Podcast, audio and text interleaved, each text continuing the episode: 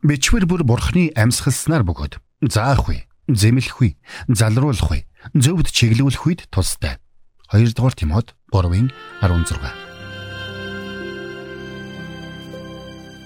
Мэргэний сонсог мэдлэгэд хэлэг. Ухаалаг нь мэрэгэн өдрөмжийг мөн авах.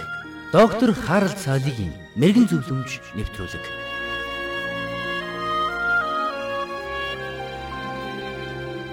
Коллежид надад хичээл заадаг байсан профессор маань өөрийнхөө санал нийлдэггүй нэгэн теологчийн тухай ярихдаа.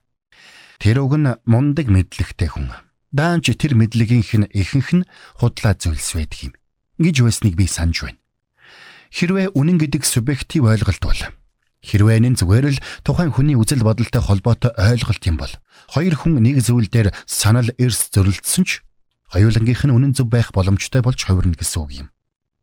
Гэвч эцсийн дүндээ бид аливаа зүйлийг нэг бол үнэн эсвэл худлаа хэмээн дүгнэх ёстой болдго нь жам юм. Тэгвэл аливаа зүйлийг үнэн эсвэл худлаа гэдгийг ямар баримтаар нотлох вэ? Хэрвээ бид түүхийн их сурвалжийг үнэн гэж үзвэл бас тухайн зүйлийг бичсэн хүмүүсийг худлаа зүйл бичих хүмүүс биш гэж үзвэл энэ нь тухайн номыг үнэн гэж үзэх хангалттай шалтгаан болох уу? Нариндаа бол би энд Библийг хүлээн зөвшөөрөх үү, эс зөвшөөрөх үү гэсэн асуудалтай холбогдуулан энэ бүхнийг яриад байгаа юм. Жишээ нь бид Библийг Библиэлд нэр нь бичигдсэн хүмүүс үнэхээр бичсэн гэдэгт итгэлтэй байж болох уу? Эсвэл Библиэд бичигдсэн үгсийг анх бичигдсэн их хуваарай хадгалагдж ирсэн гэдэгт итгэлтэй байж чадах уу? Библийн үгсээр хожим нь хүмүүс нэмж хасагдаагүй гэдгийг бид яаж мэдэх вэ? Эндээс би хоёр зүйлийг эхлээд хэлмээр байна. Бурхан хизээч хэн нэгэн хүнийг ямар нэгэн зүйлийг мухар сохроор итгэж хүлээж ав гэж тулгадаггүй. Тэр утгаараа аливааг чин сэтгэлээсээ эрен хайж, үннийг олж мэдхийг хүсэн хичээнгүйлэн судлахыг Бурхан хизээд дэмждэг.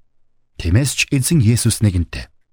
Хэрв хэн нэгэн нь түүний хүслийг үйлдэхийг хүсвэл тэрээр энэ сургаал Бурханаас уу Эсвэл би өөрөөсөө ярьж байна уу гэдгийг мэднэ хэмээн айлцсан юм. Энд хэн нэгэн нь хүсвэл мэднэ гэж Есүс айлцсан байгааг бид харж байна. Учир нь бид Бурхныг таньж мэдхийг үнэхээр хүссэн ирж хайж байгаа бол Бурхан заавал өөрийгөө илчилдэг гэдгийг Библи бидэнд батлан хэлдэг юм. Өнөөдөр маш олон хүн Библиэд бичигдсэн иш үзүүлэлгийн үгсийг үгүйсгдэг. Тэд Библиэд их иш үзүүлэлгүүдийг аливаа үйл явдал болсныхын дараа урдаас хэлсэн мэтэр зохиож бичсэн үгс гэж зүтгэдэг. Тэд энэ хандлагаараа би бурхан байдаг гэдэгт итгэхгүй байна. Бурхан аливаа зүйлсийг урдаас илчилж өгч чадна гэдэгт би итгэхгүй байна гэж хэлж байдаг. Тэгвэл Библи үнэн гэдгийг бид ямар баримтаар нотлох вэ? Мэдээж энэ асуултад хариулах амаргүй. Гэхдээ би оролдоод үзье. Нэгдүгээрт Аливаа эртний бичээсийг үнэн зөв эсхийг тухайн бичээсийн хуулбарууд нь анх бичигдсэн хувьтайгаа цаг хугацааны хувьд хэр ойрхон хуулбарлагдсан болохыг тогтоох замаар үнэн зөвийг нь тогтоодог. Тэгвэл сүүлийн үеийн технологи ашиглан Библийн номууд бичигдсэн материалуудын бихэнд карбон тест хийснээр тухайн бичээсүүд нь уламжлалт судлаачдын баримталдаг он цагтай яв цав таарч байгааг нотолсон байдаг. Цаашилбал Библийн номууд бичигдсэн нөхцөл байдал болон тухайн номд бичигдсэн агуулга өөр хоорондоо тохирч байна уу гэдгийг зарим судлаачид нэгтэлж үзээд эдгээр нь хоорондоо тохирч байгааг баталсан байдаг. Жишээ нь Лук болон Үйлс номд бичигдсэн байдаг ангаа ухааны хэллэгүүд нь тухайн номуудыг эмч мэрэгжилтэй Лук бичсэн болохыг баталдаг.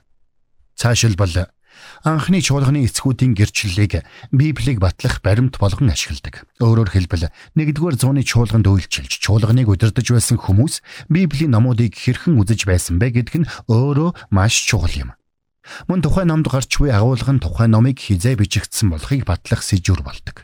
Жишээ нь шин гэрээний еврей номыг хэн бичсэн нь тодорхойгүй байдаг боловч тухайн номд бичигдсэн агуулгад тулгуурлаад уг ном нь Иерусалимийн сүм нураагдахаас өмнө буюу манай эртний 70 оноос өмнө бичигдсэн болохыг баталдаг. Эцэст нь хэлэхэд бид Библийг үнэн зөв болохыг янз бүрийн баримтаар нотолж болгоч эдсийн дүндээ тухайн баримтыг үнэн гэж итгэх үү эсвэл янз бүрийн шалтак тоочин үгүйсэх үү гэдг нь сонсогч таны өөрийн сонголтын асуудал юм. Эцсийн дүндээ энэ нь итгэлтэй холбогддог. Бурхан үнэхээр үгээ айлдсан уу, үгүй юу гэдэгт итгэх итгэлтэй. Миний хувьд энэ чиглэлээр олон жил судалгаа хийсэн доктор профессор хүний хувьд харьцангуй ихтгэлтэйгээр Библийн үг үнэн гэж хэлж чадна. Мэдээж энэ бүхнийг хөдөлшгүйгээр нотлно гэдэг хэцүү.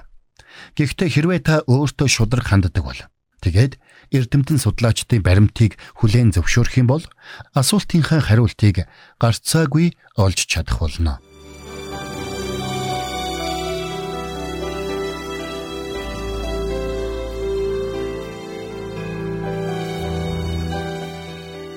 Мэргэн нэгнийг дагуул мэргэн, мулгуутай нөхөрлөл хорлол. Доктор Харалт цайлигийн мэрэгэн зөвлөмж нэвтрүүлэг танд хүрэлээ.